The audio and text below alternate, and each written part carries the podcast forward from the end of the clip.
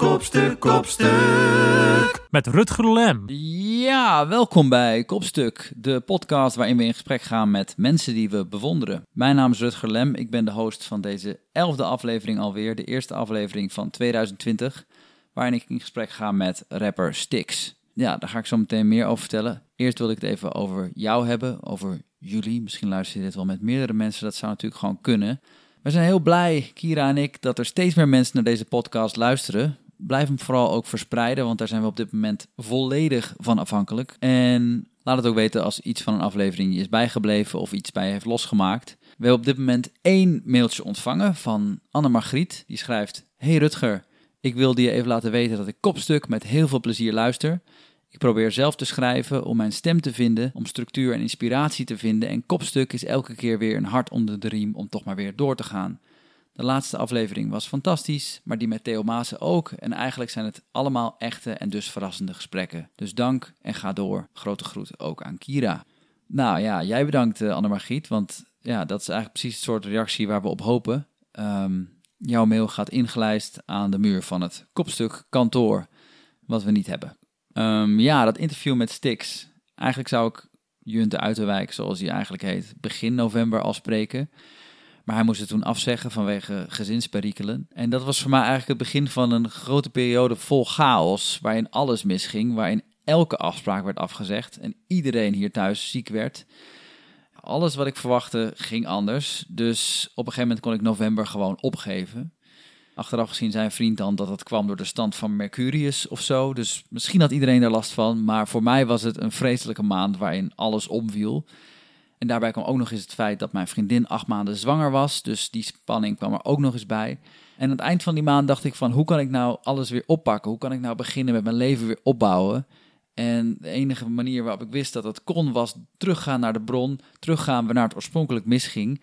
En dat was die afspraak met Stix. Dus ik dacht, als ik dat weer door laat gaan, dan kan alles weer doorgaan. Nou ja, godzijdank lukte het om nu wel een afspraak met hem te maken. En mijn vriendin en ik besloten om dan maar meteen een soort mini-vakantie te boeken.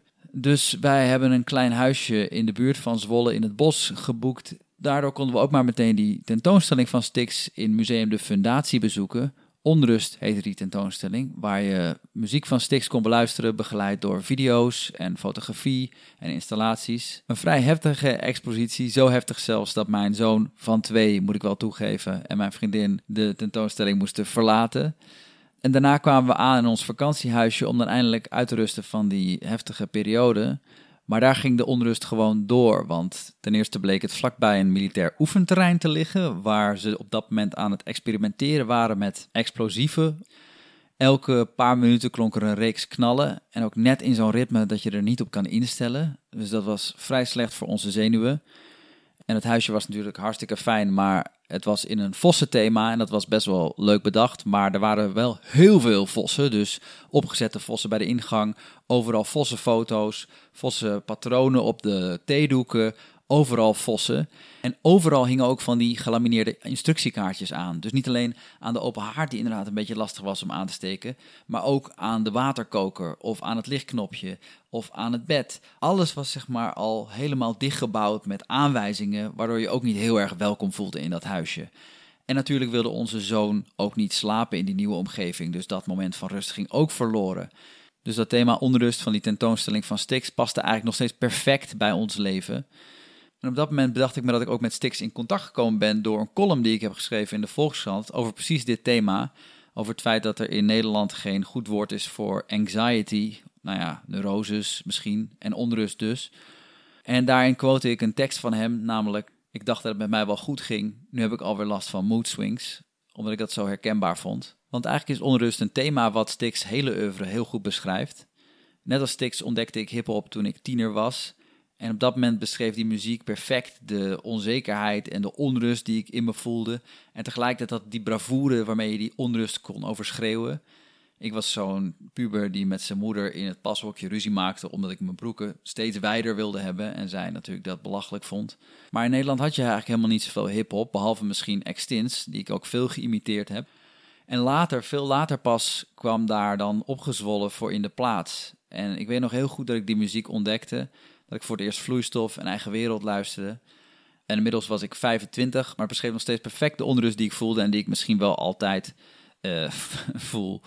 Ja, of Stix nou muziek maakt met Rico en Delic bij Opgezwollen, of met Cubus, of met Typhoon, of noem ze allemaal maar op. Het heeft op een manier altijd perfect iets te pakken over hoe het leven voelt. En ja, dat is enorm knap. Dat maakt hem een van de mensen die ik het meest bewonder in Nederland. Hij weet zijn onrust om te zetten naar een goede flow op een dikke beat. En daardoor kom ik ook tot rust als ik er naar luister. Dus ja, nadat ik uh, eenmaal Stix had gesproken in Zwolle en weer terugkeerde in het vakantiehuisje waar uh, het toch wel heel fijn was, ondanks de enorme hoeveelheid vossen. En we met z'n allen een beetje wenden aan het ritme van de knallen van het militaire terrein, uh, kwamen we ook weer tot rust. En een week later is onze dochter Frankie geboren. Uh, dus ik zit nu weer in een nieuwe chaos, maar wel uh, ja, een uh, gelukkige. En ik kan me toch niet helemaal aan de indruk onttrekken dat het allemaal weer een beetje goed kwam nadat ik met Stix had gesproken. Dus ja, dat gesprek was gewoon goed in meerdere opzichten. Ik hoop dat jullie er ook van genieten. Hier is mijn gesprek met Junte Uiterwijk, beter bekend als Stix mij die lult echt de oren van mijn kop. Die is gewoon const, constant aan het praten. Gewoon alleen maar. Praat hij goed? Met deze twee jaar, zei je? Ja, dus hij praat. Hij is nu twee jaar en drie maanden of zo. En hij praat alsof op het niveau van als hij drie is of zo. Oh, wat grappig, ja. Dus, uh, Leuk is dat, hè? Ja. Dat, uh, ik vind het wel mooi, hoor. Die waarom fase, ik weet niet of je daar al in zit, maar uh, die is wel intens. Want de waarom regent het en zo. Dan denk ik, ja... En, en dan zeg ik, ja, dat moet, ik even, moet je even aan je moeder vragen. Ik ben niet zo goed in uh, dat soort dingen. En uh, dan zegt ze, ja, maar je kan toch even op je telefoon uh, opzoeken. Oh ja, dat is hoe jij de waarom vragen. Ja. Die waarom vragen die ik niet kan beantwoorden, die moet ik op mijn telefoon opzoeken van haar. Ja. Dat is toch komisch? Want je bent niet zo filosofisch ingesteld of zo. Wat, ja, waar... Nou, dat, dat, je er, dat ik er zelf een draai aan geef. Ja, nee, ja, ik wil heel feitelijk antwoorden waarom het regent. En dan weet ik, oh, kut, ik heb niet opgelet bij aardrijkskunde vroeger van dat de warme lucht opstijgt. En weet je wel, dat, daar ben ik gewoon niet zo uh, in geïnteresseerd. Ja, ja. Dus ja, kon ik dat ook niet zo goed leren. Je bent van het feitelijke ouderschap, ja, gewoon. Dus gewoon ook geen sprookjes en... Nou ja, ik... Ik denk dat je wel vanaf een uh, gelijk moet zeggen van uh, dit is hoe de vork in de stil zit. En ik vind sprookjes wel mooi hoor, daar niet van. Maar ik, ik, zou dan, ik wil dan wel gewoon uitleggen van uh, dit is waarom het regent. Weet jij het? Kan je het uitleggen aan je kind? Nee, ik vond ijskunde ook echt, echt saai. de kutvakken, ja. Nee, dingen als de toendra en de, nee, het loef en het weet ik. Oh, ja, ja, ja, dat soort dingen, dat weet ik echt niet meer. Nee, dat is, als, je, als het je niet interesseert, dan is het moeilijk leren. Tenminste, dat heb ik heel erg. Precies, ja. Nee, maar en praat je ook tegen je kinderen zoals je gewoon tegen een volwassene praat? Ja, ja van meet af aan gedaan. Ja, doe ik ook. En ik denk dat ze daarom ook beter praten. Geen, uh, geen babytaaltje of zo. En jij bent ook goed in taal natuurlijk. Denk je dat dat dan erfelijk is? Of, uh... ja, in mijn familie zijn, zijn wel veel mensen bezig met taal. Dus, maar mijn moeder is natuurlijk lerares Nederlands uh, oh, ja, altijd echt? geweest. Ja. Mijn opa was leraar Frans. Mijn zus heeft Frans gestudeerd. het is wel allemaal met, wel heel erg taalgericht allemaal. Dus misschien dat daar dat ze daar iets aan heeft. En kon jij vroeg praten? Of? Maar dat weet ik niet. Nee? nee dat weet ik echt niet. Nee. gevraagd? Nee, nee. Maar je hebt dus een oudere, oudere zus? Ja, tien jaar ouder. Tien jaar ouder? Ja. Ah, oké, okay, wauw. Ja, nee, ik weet, ik weet het niet of ik uh, goed praatte. Nu, nu wel, denk ik. Maar was je de haantje de voorste thuis of uh, viel dat wel? Ja, ik ben eigenlijk redelijk dus uh, alleen met mijn moeder opgegroeid. De eerste negen jaar was mijn zus erbij en die is toen op kamers gegaan. En verder gewoon waren we met z'n tweeën. Waar was je vader dan? Die was in uh, Den Haag, of in uh, Wassenaar heet dat, vlak naast Den Haag. En uh, daar heb ik nog drie broertjes en hij, heeft, hij is hertrouwd. Dus daar kwam je gewoon maar af en toe? En, ja. Dus, maar dan, kon je, ja, dan praat je wel veel met je moeder natuurlijk. Ja, en, maar zij is sowieso, als ik bijvoorbeeld beter als mij zou zeggen, dan zou ze me wel corrigeren. Ja, dat, ja. Dat, dat, weet je wel. Uh, dus dat bewustzijn zit er wel gewoon in. Ja, dat, dat gaat gewoon van meet af aan. Uh, krijg, je dat, uh, krijg je dat te horen van als je iets niet goed zegt. Ja, dat is, dat is logisch ook. Ik doe het zelf ook bij mijn kinderen. Ja, merk ik. Ja, bij mijn jongste is er nog niet echt veel. valt er niet veel te corrigeren. Nee, nee, nee. dus ja, tuurlijk. Ja. En hoe was het om op te groeien zonder je vader? Ik, ben, ik weet niet anders. Het is vanaf mijn eerste. Ze zijn uit elkaar gegaan toen ik één jaar was. Dus uh, ik heb nooit een, een klassieke gezinssituatie mee, meegemaakt. Het is wat het is. Maar kan je extra goed met vrouwen omgaan omdat je, omdat je zo, zo close met je moeder was? Ja, weet ik niet. Of dat, eh ja, jawel. Ja, dat, dat, dat, dat- ja, wat een moeilijke vraag allemaal. Dat weet ik niet. Of dat extra moeilijk... Het, met mijn vriendin kan ik heel goed eh, doorheen deur. Dat, Ja. is, eh, dat is een feit. Ja, maar ik weet, ja, het cliché is natuurlijk van dat je dan een soort van gevoeliger bent of zo. Mm. Maar veel Het grote... zou goed kunnen. Ik denk dat je heel veel clichés eh, op me los kan laten. ja, ja, zeker. Ja. Veel grote denkers zijn ook eh, alleen met vrouwen opgegroeid. Zoals Louis C.K. trouwens. Ja? En eh, Nietzsche. Nou ja, daar ga je. En veel rappers ook, hè, natuurlijk. Dat is ook een soort rapper-cliché. Mijn vader was er niet. Ja, precies. Maar ik wil me nou niet gelijk typeren als een groot denker. Nee, precies. Misschien wel een groot rapper, maar...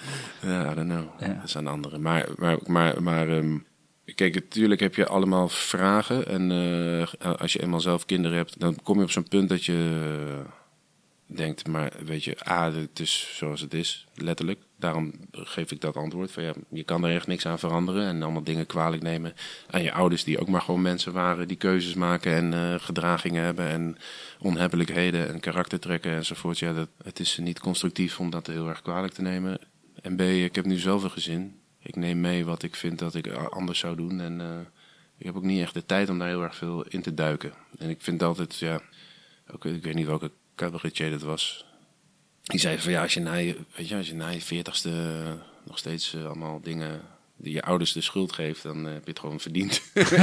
en dan is gewoon, ja, je moet er op een gegeven moment, je, weet je, grow up. zeg Ja, maar. ja, dan ben je gewoon een zeikert, zeg maar. En ja, dat, ja. Zo, zou je dat, zo zou je dat wel kunnen Ja. zeggen, ja. Maar het is wel even een momentje, toch? Als je zeker voor het eerst vader wordt, dan, eh, Ja, dan ga je wel terug naar je eigen jeugd. Dat, absoluut. dat eh, viel me ook Absoluut. En dan ga je denken van ja, hoe kan je dat eh, zo aanpakken als je hebt gedaan.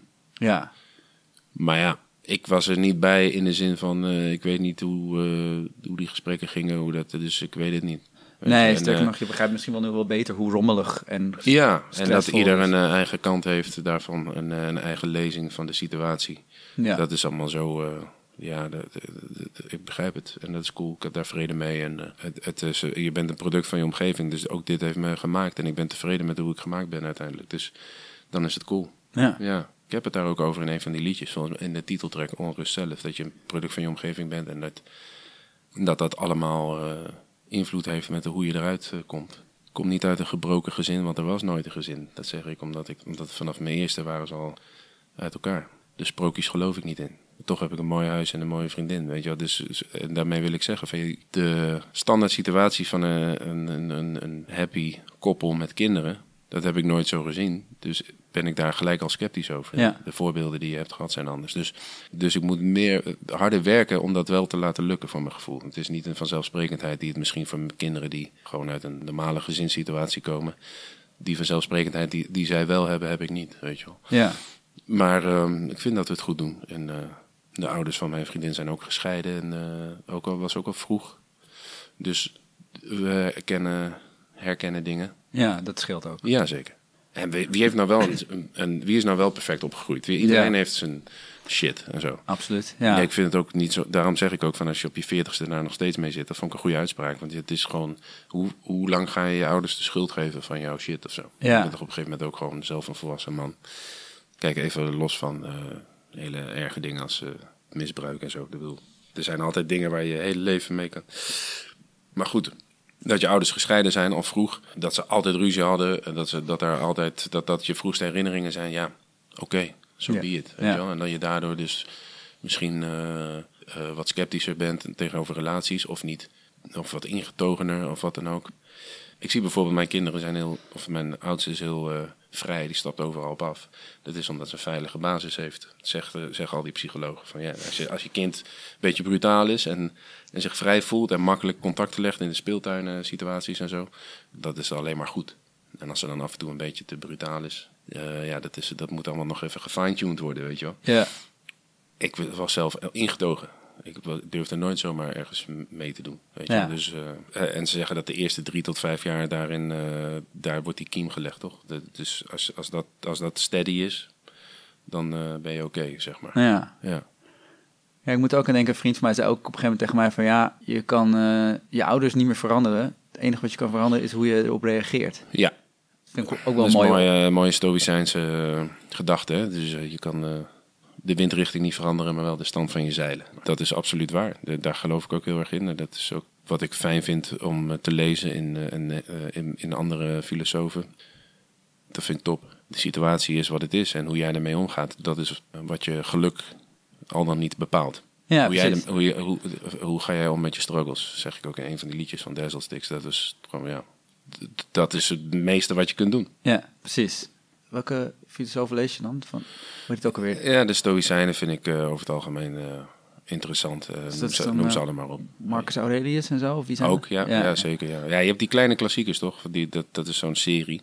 En dan koop ik er altijd, of altijd, koop ik er vaak eentje en dan lees ik die weer. Niet alleen, ook Nietzsche inderdaad bijvoorbeeld, maar dat, dat is wel heel erg zwartgallig. Ja. Ja. ja, ook wel grappig vind ik hem altijd. Ja, ja, ja, zeker.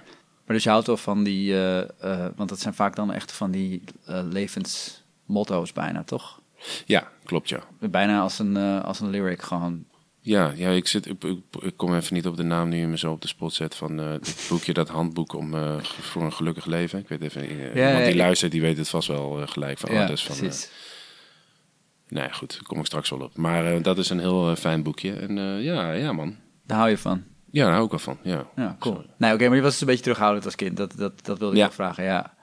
En, maar je had wel vrienden natuurlijk. Ik bedoel, je was niet zo... eh of Ja, maar ik kan me prima alleen vermaken. En dat was, dat, dat was wel echt, dat, ik ben wel echt een eh, loner in die zin. Daar hou ik wel van. Wat deed, en wat deed je dan in je, in je eentje? Zo voor je puberteit. Ja, ja, nee. eh, eh, Lezen of eh, strips of... Eh, ja, ik was altijd met autootjes bezig. Maar dat was van de jongste van autootjes. En eh, al vrij snel 14 of 15 eh, teksten schrijven altijd. Oh ja? Ja, Wat voor teksten dan? ja rapteksten gewoon. Oh, gewoon meteen ja, al, ja. Ja, ja. Onder invloed van Extins en spookrijders en zo. Want ik was, eh, het was 96 toen Calif Camera uitkwam. Toen was ik 14. Dan was ik echt doorgegrepen. Nou ja, tuurlijk. Dat was echt een ding. Ja, Extins, ja, zeker weten. Dus, ehm, maar- en, maar eh, ja man, eh, en voetballen met vrienden, dat wel natuurlijk. En, al heel veel voetballen, voetballen, altijd voetballen. Oh, je bent, want je bent in een flat opgegroeid, toch? Ja, De. Montverdi Flat, ja. Oh, ja. ja. Dus daar hangen ook foto's van in de, de Klopt, ja. Ja. Ik vond het leuk om te laten zien eh, waar ik vandaan kom en waar we nu zijn. De product van je omgeving, de, de onrust en de, hoe je gemaakt bent, dat zit in, die, in, die, in waar je vandaan komt. In die flat. Nou ja, letterlijk ook in die flat, ja zeker weten. Want was het een plek waar mensen het moeilijk hadden? Of Nou, dat weet ik niet. Maar ehm, wat voor onrust was daar dan? Ik denk dat eh, doordat je me- altijd eh, met die jongens bent en op straat bent en zo. En eh, op het voetbalveldje en, en later inderdaad gewoon op straat. Dat geeft je een bepaalde zelfredzaamheid mee. Ja, Ik ben niet zeg maar echt een eh, straatrat of wat dan ook. Omdat ik altijd muziek had als eh, leidraad. ja als, ik, als ik zeg maar, want ik was ook in de skate scene en zo. Ja, Veel blowen. En Ja. eh, ik kon trouwens niet skaten, maar ik was dan bij de maar skatepark. kon wel blowen. Ik kon wel blowen, ja, precies. Ik kon ook niet draaien trouwens, maar ik kon wel heel goed brokkelen. maar, dus ik was, ik was zo'n gast. Ja. Maar wel vooral grote bek en goed kunnen praten. Ik weet niet, ik ken wel een beetje dat sfeertje. En ik stel me bij jou dan een beetje voor dat jij gewoon die rustige gast bent... die gewoon op die manier respect krijgt. Ja, nou ja, weet je, de, als ik kijk naar die vriendengroep, die hadden verder niet echt een, eh, een doel. Dat was het gewoon. Eh, Die hadden geen doel. Ja. En eh, daardoor zijn ze gewoon ook niet echt, er is er niet echt iets van terechtgekomen. Van niemand. Van Nee, al die jongens waar ik dagelijks mee omging. Maar ook allemaal school Eh, niet afgemaakt. Of, eh, En, en dan zie je wel van, hè, dat is wel gek, want daar kwam ik dus. eh, en, maar ik heb dat ook nooit als mogelijkheid voor mezelf gezien. Van, oh, het kan dus een keer helemaal verkeerd gaan of zo. Maar zo, ik denk dat zij dat ook niet hadden. Dat vind ik best wel een gekke situatie. En ik denk dat als je een, een leidraad hebt of een soort doel in je leven, dan, dan komt het wel goed. Ja. Het is heel, heel. ja, ik weet niet of ik toen, of ik, om op jouw vraag terug te komen, of ik dat jongen, of ik rustig was zozeer. Maar ik, was, niet- ik was wel dan, eh, toen als ik een keertje opgepakt was, dan was ik daarna wel klaar, zeg maar. Ik niet, eh, ging niet door, terwijl zij gingen dan elke keer door. En nu is het, eentje is een draaideur eh, geval geworden, de andere is dakloos en eh, de andere heeft zelfmoord gepleegd. Het is allemaal gewoon eh, kommer en kwel. Ja, en ik had dus, ik, ik, ik had muziek, ik dacht, eh, dat gaan we doen. Dat is wel een verschil. maakte je moeder zich wel zorgen? Of, eh, ja, ze was altijd bezorgd.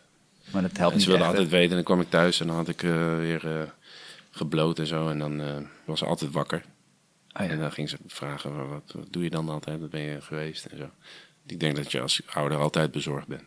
En ik denk altijd, ja, je hoeft je geen zorgen te maken. Zei je dan wel de waarheid? Of, eh, Nee. Nee, nee.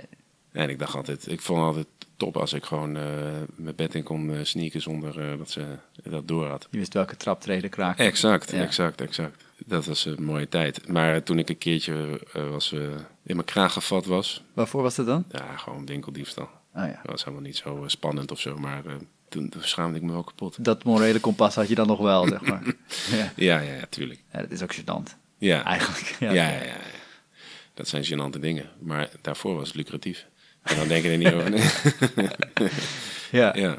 Ja, een van die vrienden van mij, die al nadat we uit elkaar waren gedreven, die, die is echt een helingbedrijf begonnen in de school met winkeldiefstal. Ja, Ja? het heette helingbedrijf Jemoer. En ze hadden ook echt een bestellijst in een kluisje. En dan kon je zeggen van, nou, ik wil graag eh, acht Snickers. En Ja, gingen ja. zij die jatten en dan kon je die zeg maar heel goedkoop van ze kopen. En op een gegeven moment is dat ontdekt en toen eh, moesten ze eh, duizenden euro's aan Albert Heijn erop betalen. Oh ja? Ja, ja, ja, ja. Ja, ja. mooi is dat. Ja, ik werd uiteindelijk gepakt voor een... eh, ik geloof dat ik een paar cassettebandjes wilde eh, en een portemonnee. Ja. Ik weet nog heel goed.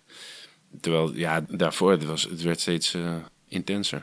Gelukkig ben ik voor die cassettebandjes gepakt, weet je wel. Maar het is... Maar het lege cassettebandje was Ja, dat? ja, dan kon je er zelf Dutch Masters op opnemen. Ah, ja, ja, ja, ja. 65, Vet, de radioshow van Kees de Koning. Ja, Dus het had, legendarisch. het had wel een doel. Ja. maar ja joh, dus ehm, het is beter dan een pakje kauwgom. Het, het, het is eigenlijk alweer... Eigenlijk vind ik het best wel een goede daad nu. ja, Ja. het was allemaal in dienst van de muziekcarrière. En wanneer had je eh, je naam eigenlijk, je rapnaam? Vrij snel, want ik had Nasty Naast vond ik super dope. Dus ik, ik moest, weet je, Naast vond ik gewoon eh, de king. En dan moest ik iets hebben. Nasty Naast, Sticky Steez, top. Nee. Later vond ik Sticky Steez een beetje kinderachtig. Doe dan maar Sticks. Maar hiphop was dus een obsessie. Ja, absoluut. Dat is gewoon een wereld waar je induikt. Fantastisch. Fantastische wereld. Echt helemaal in verdwijnen. Ja, Lekker man. Dus dan kon je 65, file 65 opnemen en dan kon je weer een week eh, vooruit. op je Walkman. Ja, absoluut. Ja, en wat is er dan zo verslavend aan voor jou? De sfeer? Of Ik de- denk dat het eh, een paar dingen. Recht voor je raap is het, maar ook poëtisch. Spelen met taal. En iedereen om me heen luisterde het ook. Dus dat, er was niemand die eh, Nirvana checkte of zo. Nee? Het was gewoon eh Bone Thugs en eh, Warren G en Snoop en Dre en Wu-Tang. Ja. Dat is wat iedereen checkte. En Extins. Ja, ja. ja, dat je het ook zo kan bijhouden. Dat is ook zo... Ja, dat was cool man. Dat was een eh, leuke periode. Omdat eh, iedereen die daarin geïnteresseerd was, viel goed bij te houden. En, Ja. eh, precies. Een, een, een tapeje per week met nieuwe tracks van Villa. En eh, daarnaast, eh, ja, als er een nieuwe plaat uitkwam, eh, dan, dan wist je dat. Ja, Kendrick Lamar die zegt van dat, eh, dat hij zulke goede hip-hop kan maken omdat hij vooral een hip-hop fan is. Heb jij dat ook? Dat je zoiets hebt van ja, ik begrijp hoe het is om fan te zijn. Zeg maar de opwinding van zo'n nieuwe plaat en daardoor. Ja, en ik denk dat ik, ik vind het gewoon tof om eh, iets te maken waarvan ik denk, eh, dit eh, luister ik zelf graag. Hier verras ik mezelf mee. En eh, dit, ja, als fan zou ik dit tof vinden. Want er zijn nog steeds gastjes van 14 die gewoon super blij zijn als er een nieuwe stick komt, toch? Ik denk het wel, ja. Denk het wel. Ja, to- toevallig deed ik mee, eh, of toevallig, dat is gewoon gevraagd, maar ehm, de, de zwangere regie is een jongen uit eh, België, uit Brussel. En die is eh, daar in België heel groot, wint alle awards en staat op nummer 1 en weet ik veel wat. En die vroeg of ik mee wilde doen op zijn nieuwe plaat. Dan rap ik een stukje mee en dan krijg je daar nog steeds wel veel mensen die zeggen, ah, echt blij dat je wat laat horen. En er gaan ook veel mensen naar deze expo, dus eh, vind ik wel tof, want ik doe het al heel lang. Ja, precies. In 2021 is de eerste album 20 jaar oud. Ja. En dan ben ik nog steeds geen 40. Mooi hè? Ja.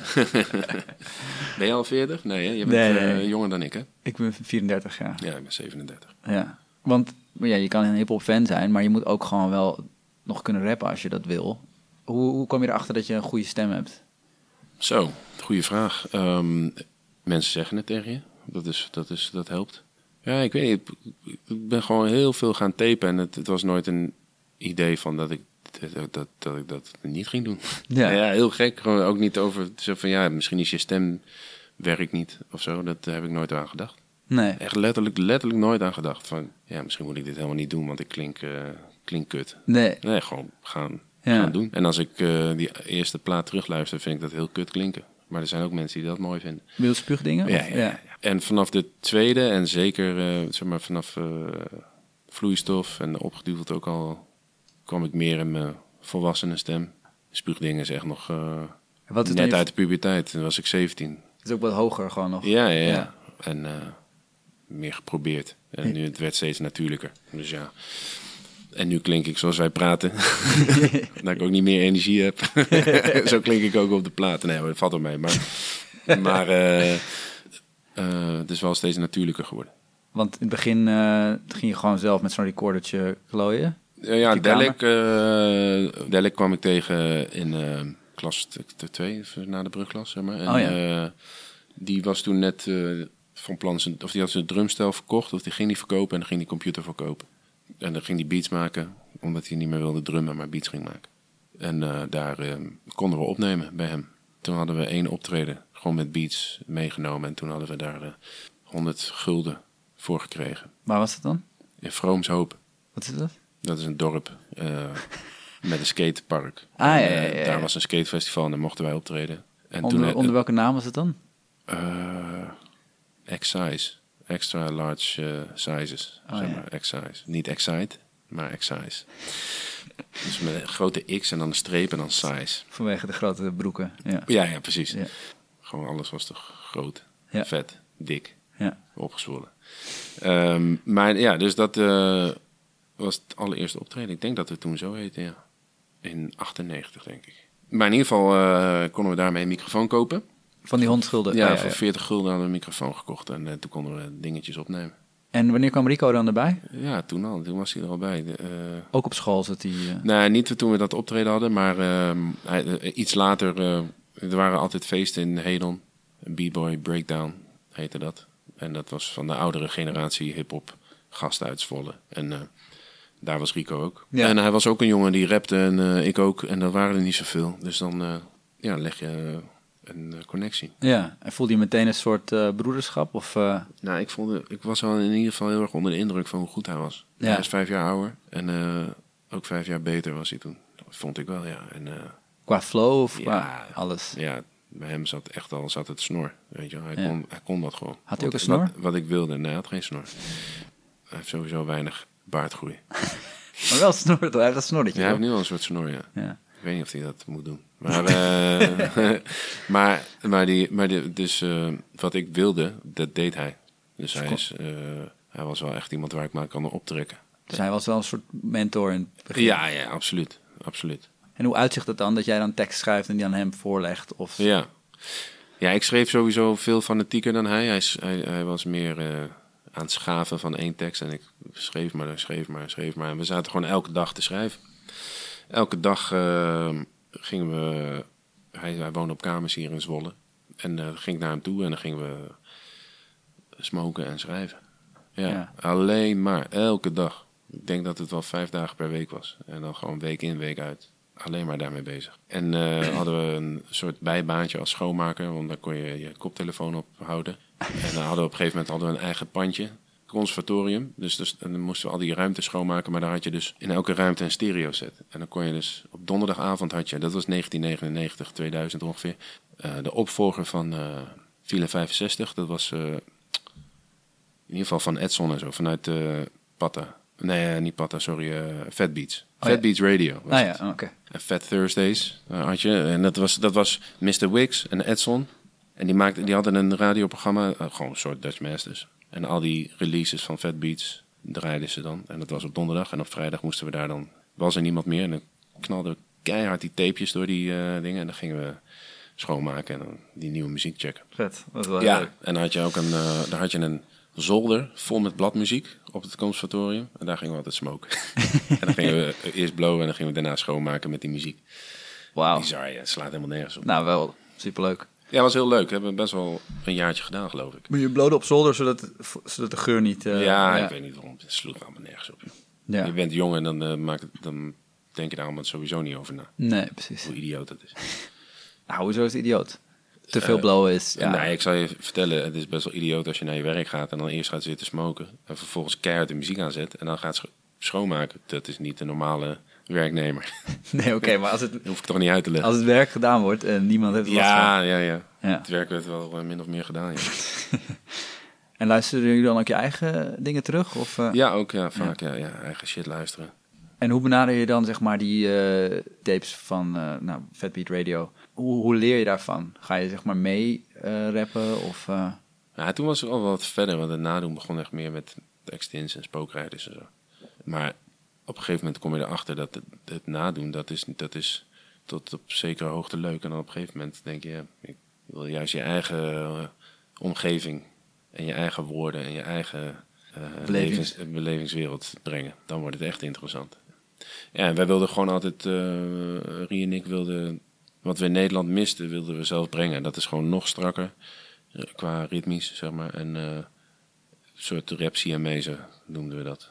Alsof het één stem is, om en om. Weet Ah, je, ja. gewoon heel erg eh, heen en weer. Wat we eh, in Amerika hoorden bij eh Das Effects en zo. Dat soort Amerikaanse acts. Ja. Twee rappers die de hele tijd heen en weer gaan en zo. En ehm, je had de Duvel Duvel, dat was heel underground. En dat was super dope. En heel straat.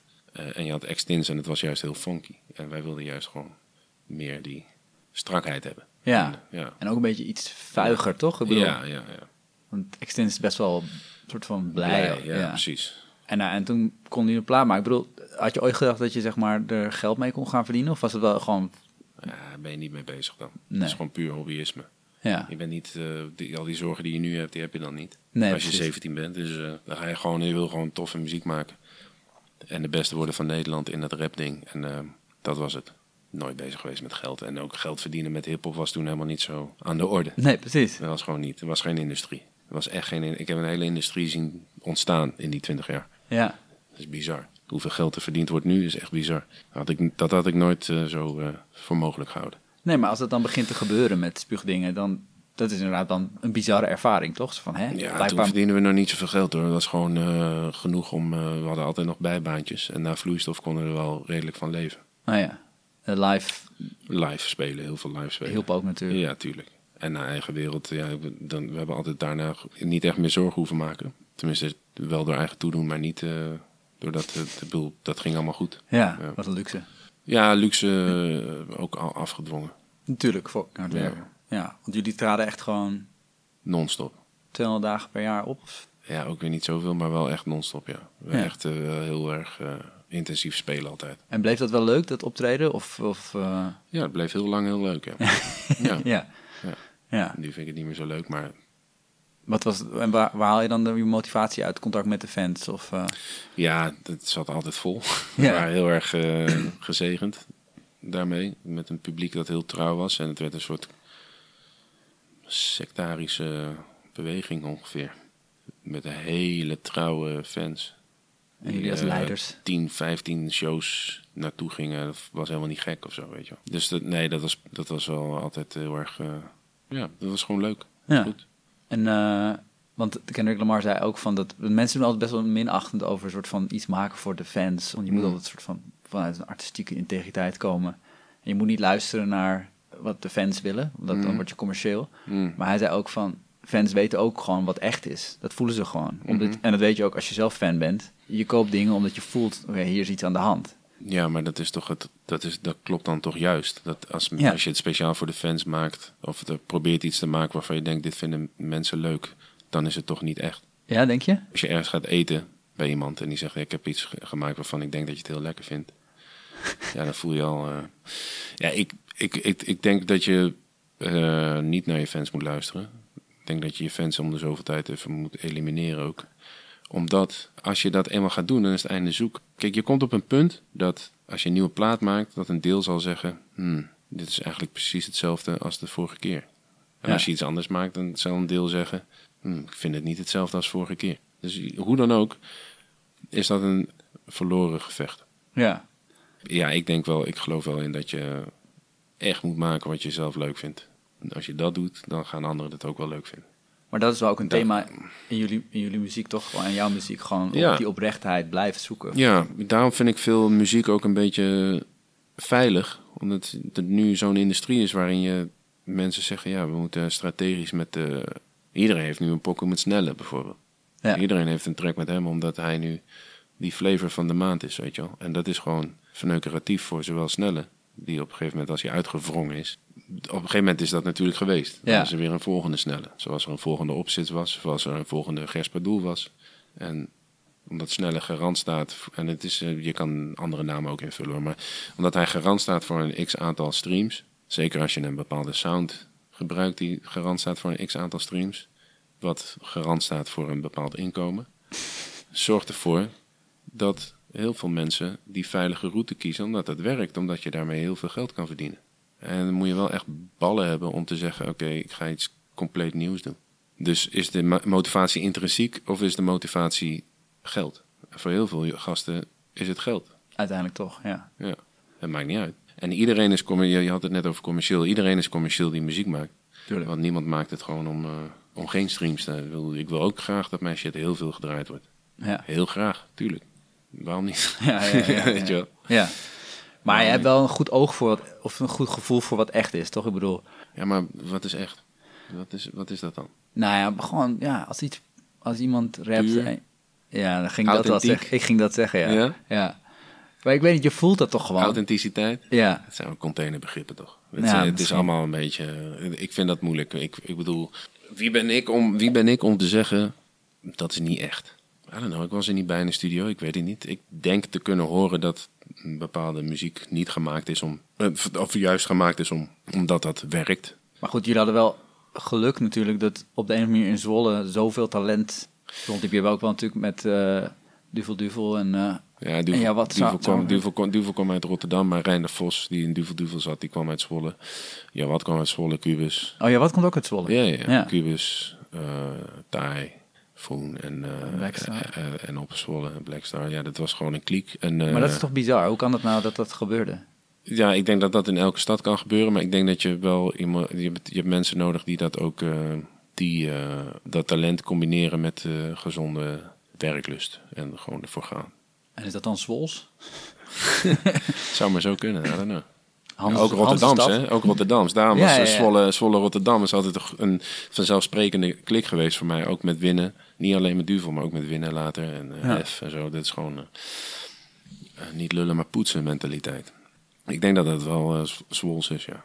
Want hoe is die, hoe is die binnen hip-hop, zeg maar, de relatie tussen een rapper en zo'n beatmaker? Wat, want je hebt normaal heb je een soort van met een band, als je Mhm. muziek maakt, dan breng je allemaal iets in. Maar dit, dit begint vaak met een beat, toch? Ik bedoel, Ja, maar ja, weet je, het is meer de relatie tussen mensen gewoon. En het is, ik bedoel, met een Delic is het compleet anders werken dan met een Cubus of met een ART is het ook weer anders werken.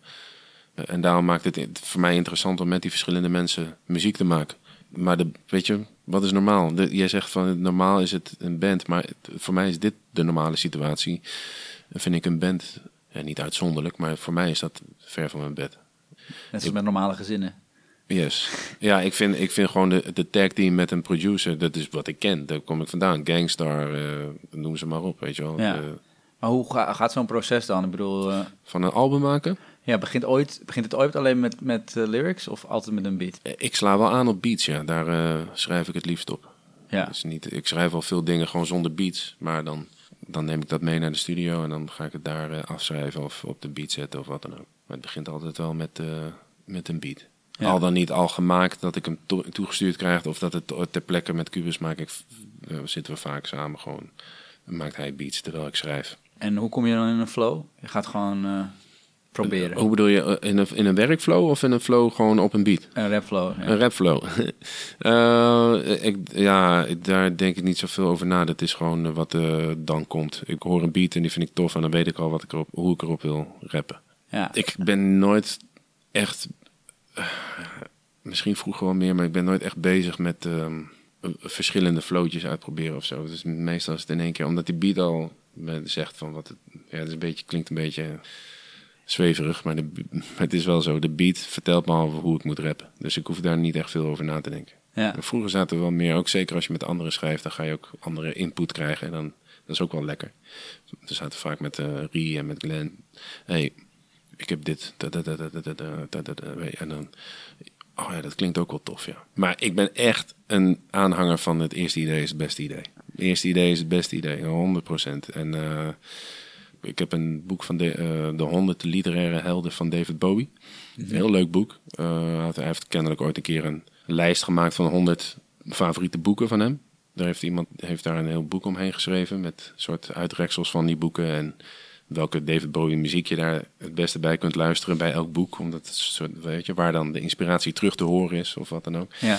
En, eh, en eh, Jack Kerouac eh, zit daar ook tussen onderweg, on the road. En daar, daar staat precies ehm, dat in ook, dat Jack Kerouac het ook in één keer heeft geschreven. Hè. Het verhaal, Oh, ja, ja, ja. verhaal gaat dat hij het op pleepapier of zo, of in ieder geval op, misschien soort- op keukenrol. Ja, beter. soort rant. heeft Maar in ieder geval zonder interpunctie gewoon gaan, weet je wel. Ik ben wel een fan van die eh, school. En dat David Bowie dus ook zo schreef, vond ik wel tof. Ah ja. Daar waar wilde ik naartoe. Ehm, want nadenken is de vijand van vrijheid, denk ik. In de zin van, je hoeft niet dom te doen, maar als je het gaat, te veel gaat overdenken, daar komt hij, dan raak je de puurheid kwijt. Kijk. Ja. De authenticiteit. Voor mij wel, weet je. Ja, Voor ja, mij ja. is dat, weet je, dan, ga je, dan wordt het een technisch verhaal. Ja. Terwijl het voor mij moet gaan om emotie, de meest rauwe vorm die je kunt hebben. Ja, dat het echt dichtbij blijft. In plaats van dat je het op afstand gaat bekijken. Ja. Ja, maar Dat dit zijn hele, dit vind ik hele, daar krijg ik heel erg jeuk van in mijn Ja, nek. Heel ja, ja. vlekken van in mijn nek. Die, eh, eh, hou het dicht bij jezelf. ja, nee, dan krijg je die. Ja, maar het is... Ben je ook fan van Bowie trouwens? Ja, ik ben heel erg fan van elke muzikant die niet bang is om eh, het roer om te gooien, om te kijken wat gaan we nu doen. En Moest- ik vind het altijd jammer als een, een artiest blijft hangen in het concept van die artiest. Zeg maar. Ja.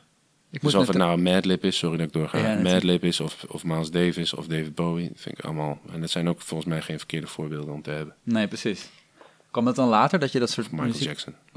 Ging je dat later ook nog naast hip-hop luisteren? Of was het altijd al alles eigenlijk? Nee, dat, dat kwam eh, jazz, of Miles Davis en jazz kwam al vrij vroeg. Maar David Bowie, ik vond altijd, altijd van oudsher al die eh, Let's Dance en China Girl, en die, waar je die eh, elke dag op MTV zag, vond ik altijd wel heel tof al. Ja. En hij was sowieso toch een soort van wonderlijke guy met Ja. die twee ogen, eh, verschillende ogen. Ja, ja, ja. dus ik vond hem altijd, ja, misschien is dat net voor jouw tijd, omdat wij toch alweer een paar jaar verschillen. ja. Maar die tracks werden heel veel op MTV gedraaid, die clips. En dat vond ik altijd wel heel tof. Maar zijn hoogtijdagen en zijn Berlijnse periode en dat soort dingen, dat, dat ken ik eigenlijk niet. Dat ken ik nu, ja weet je precies. Vind ik heel tof. Ja, ik moest net ook denken, dat wilde ik net heel zeggen, aan Bob Dylan. eh, toen, Ja. hij, toen hij elektrisch ging, zeg maar, dat, dat zijn fans boos werden. Ja, dat is fucking tof. Ja, Ja. en eh, een, een, een, een, eh, een vriend van mij is heel erg Bob Dylan fan en die heeft dat vaak aangehaald. Dat ze dus gaan schreeuwen naar hem terwijl hij aan het spelen is. Ja. En dat hij dan zich omdraait naar zijn band en zegt, play fucking louder. Ja. Heerlijk. Ja. Ja. je moet in controle blijven. Je moet die regie behouden, anders ben je een soort speelbal. Je bent een speelbal van je fans. Ja. Ah, ik wil het niet zijn hoor. Nee. Absoluut niet. Nee, het is wel moeilijk. Nee, is niet moeilijk. Nee? Het is gewoon een beslissing die je neemt. Hm. Daar hoef je verder niet meer over na te denken. Waarom zou het moeilijk zijn? Als je, als je de hele dag op Instagram zit en, en, en checkt wat mensen allemaal van je vinden, en, eh, of op Twitter of whatever, en eh, de hele dag bezig bent met eh, wat is mijn positie, en dan is het moeilijk. Maar meestal lukt het me om dat goed uit te schakelen.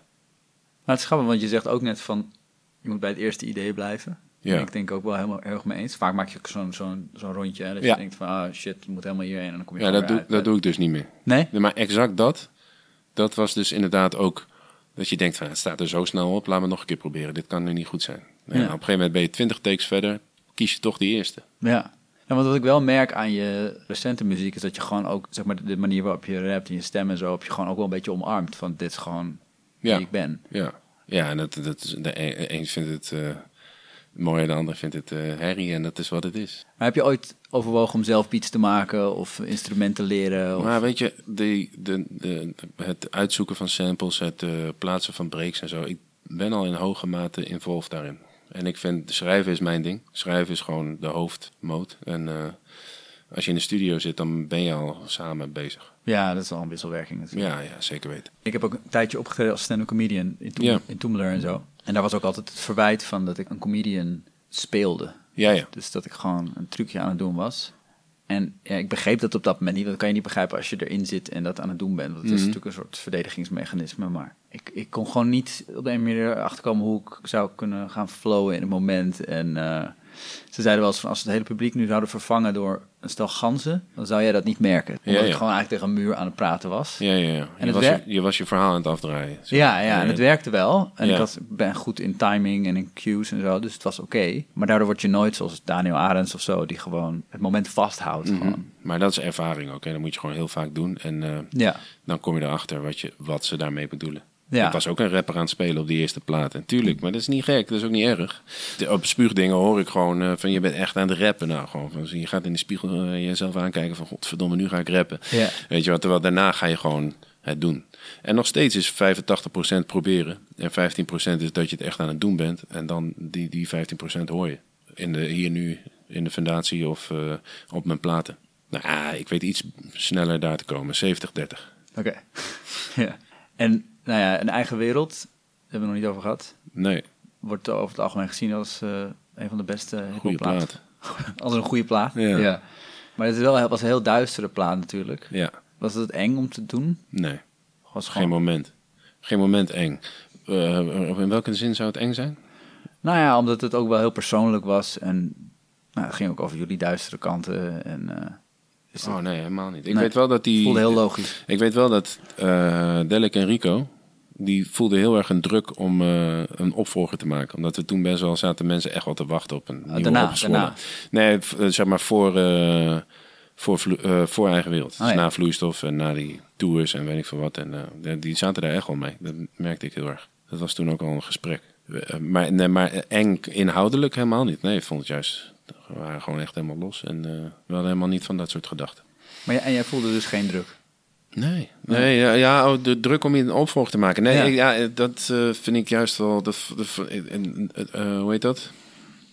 Dat zij dat zo hadden, vond ik juist wel fijn. Zo, zo van, dat werkt voor mij goed. Dan, ja. dan word jij extra rustig of zo. Ja. Ja, ja, precies. Dat ken ik wel, ja. Maar, en dat haalde in hun ook wel eh, uiteindelijk het beste naar boven. Ik denk dat het wel Delik's beste... Ja, dat is een hele goede plaat. En het is de juiste balans tussen de, waar we het net over hadden, waar ik zo'n fan van ben, die, die school van de, de eerste gedachte is de beste.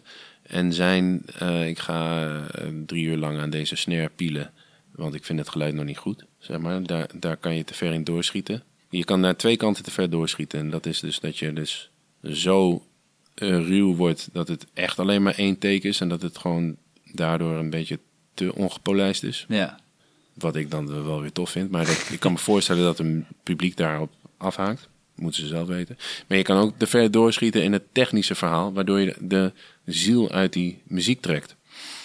Dat is denk ik wat met Detox aan de hand is van Dre. Dat hij daar zo lang op zit te broeien. En zo graag een klassieke toevoeging wil aan zijn oeuvre. Dat het gewoon blokkeert. Dat het gewoon te lang duurt. En eh, dan, Ja. dan is de wind uit je zeilen. En dan is het gewoon, dan ben je gewoon klaar. ja. Of dat Of de spaghetti-incident van de Guns N' Roses is een groot voorbeeld daarvan. het laatste van D'Angelo. Ja, die vond ik dan wel heel goed eigenlijk. Maar eh, Maar goed, daar ging je ook helemaal kapot op, geloof ik, tien jaar. ja, ja, Dus, dat eh, wel, ja. ja. Maar goed, wat, en dit was het ideale midden dan? Dat denk ik. Ja. Daar kwam alles wel mooi samen, ja. Dus want Delik is de geobsedeerde, dus die, die eh, de perfectionist. Ja, ja die, die, heeft, die had er wel juist weer profijt van, denk ik, dat er iemand naast hem zat die zei, ja, nou kappen, weet je wel. We gaan, dit is gewoon tof. Sorry, maar dit is gewoon toffe shit. Je bent echt aan het flippen nou. Ja, ja. weet je wel. Hij lijkt me ook wel zo iemand die s'nachts doorgaat. Als je hem niet tegenhoudt. En dat waren we allemaal wel. Ja? Ja, toen zeker, ja. Maar inderdaad, als wij waren, klaar waren met rappen, dan ging hij nog wel even door, ja. ja. En daarna ging je op wereldreis, toch? Was dat daarna? Hij? Ja. Ja, klopt. En jullie? Wij niet. Nee. Even in Zwolle weer. Ja, zeker weten. Ja. Ja, Nee, maar toen gingen jullie soort van uit elkaar, toch? Dat was Ja. een beetje, ja, ja. dat was het einde. ja. Wat, En was, eh, was faculteit hebben we ook nog gedaan. ja. Oh, Dit is een beetje tegelijkertijd met de eigen wereld gemaakt, die twee platen. Ja. En hoe was dat? Nou, ik vond het moeilijk, omdat, omdat je... Ik zie de potentie, zag ik, van wat het nog kan zijn. HMH, weet je, grotere dingen, meer. En, en, en het was een goede les, want kijk, het is als een relatie. Als een ander het uitmaakt, is het net iets zuurder dan eh, als je het zelf uitmaakt. Eh, en toen hadden we toch al een dikke tien jaar erop zitten, van 97 tot 2007. Van elke dag samenwerken. En je hebt een onderneming en die onderneming loopt goed. En je staat op het punt om echt te oogsten. En dan zegt iemand, ah, ik wil toch wel liever schilderen en op wereldreis. Ja, dat is moeilijk, weet je wel. Ja. Maar ja, niet onoverkomelijk. Maar dat heeft wel een paar jaar geduurd voordat ik dat eh, niet meer ontkende, zeg maar. Ja, ja, ja. Weet je wel. Je, was, je moest wel even zoeken. Ja. Dat is dan 2011, 2013 een beetje. Nou, ik weet dat uh, Stik Bukowski kwam uit. Dat is een plaat uit 2012. En toen was ik weer uh, geland, zeg maar. Dat was voor het eerst dat ik gewoon weer... Dat het gewoon echt flex ging. En, Ja. ja. Want is dat ook nog een ding zoeken voor als je ouder wordt en, en dan rapper blijven of zo? Bijvoorbeeld. ja, dat is een ding. Waar, waarvan eerst ik dacht... eh, ik ga niet eh, zo lang rappen, joh. Als ik, eh, dat vind ik niet, niet oké. Maar nu denk ik, eh, het is juist tof om te kijken... of je wel ouder kan worden als rapper en, en tof kan blijven. Maar zijn er voorbeelden van rappers die zeg maar echt goed oud worden in hun carrière en zo? Ja, in, in Nederland valt het nog mee. Maar Jay-Z, Nas, Snoop zijn, drie, zijn is de drie eenheid van eh, mooie oud wordende rappers, zeg maar. Vind ik wel. Maar waarom was jij daar dan voorzichtig over? Dat, nou ja, je? dat je zegt van ja, ik wil het niet, misschien niet altijd blijven doen. Ik zag dat niet voor me. Ik zag dat niet voor me dat, eh, dat je nog gaat rappen op je 40ste, 35, 40. Maar nu ben ik 37 en ik vind het leuker dan ooit. Dus, en, en, wat ik ook heb ingezien is dat, dat ik dus daar, daarin aan het pionieren ben in Nederland. Van de eerste generatie van rappers die eh, in een industrie oud worden en zo. En dat is, dat is wel cool. Ja. leuke positie. Het is leuk om als een soort oom nog gevraagd te worden op platen van, eh, van jongens van die nu aan zijn. Weet je? Ja. Dat vind ik wel cool, eigenlijk. En dan nu zeg maar die stap naar de kunst eh, of de Ja, kunstwereld. ja, ja, dat is. Ja, Is- de stap naar de kunstwereld, weet je. Ik doe Nee, gewoon, weet ik ook ik wel. doe gewoon. eh, ik, ik uit me. En dat kan in een museum, op een beat, in een reclame. Ik schrijf teksten gewoon. Heel veel. Dat is het. Daar zit hij. Ja, even kijken hoor.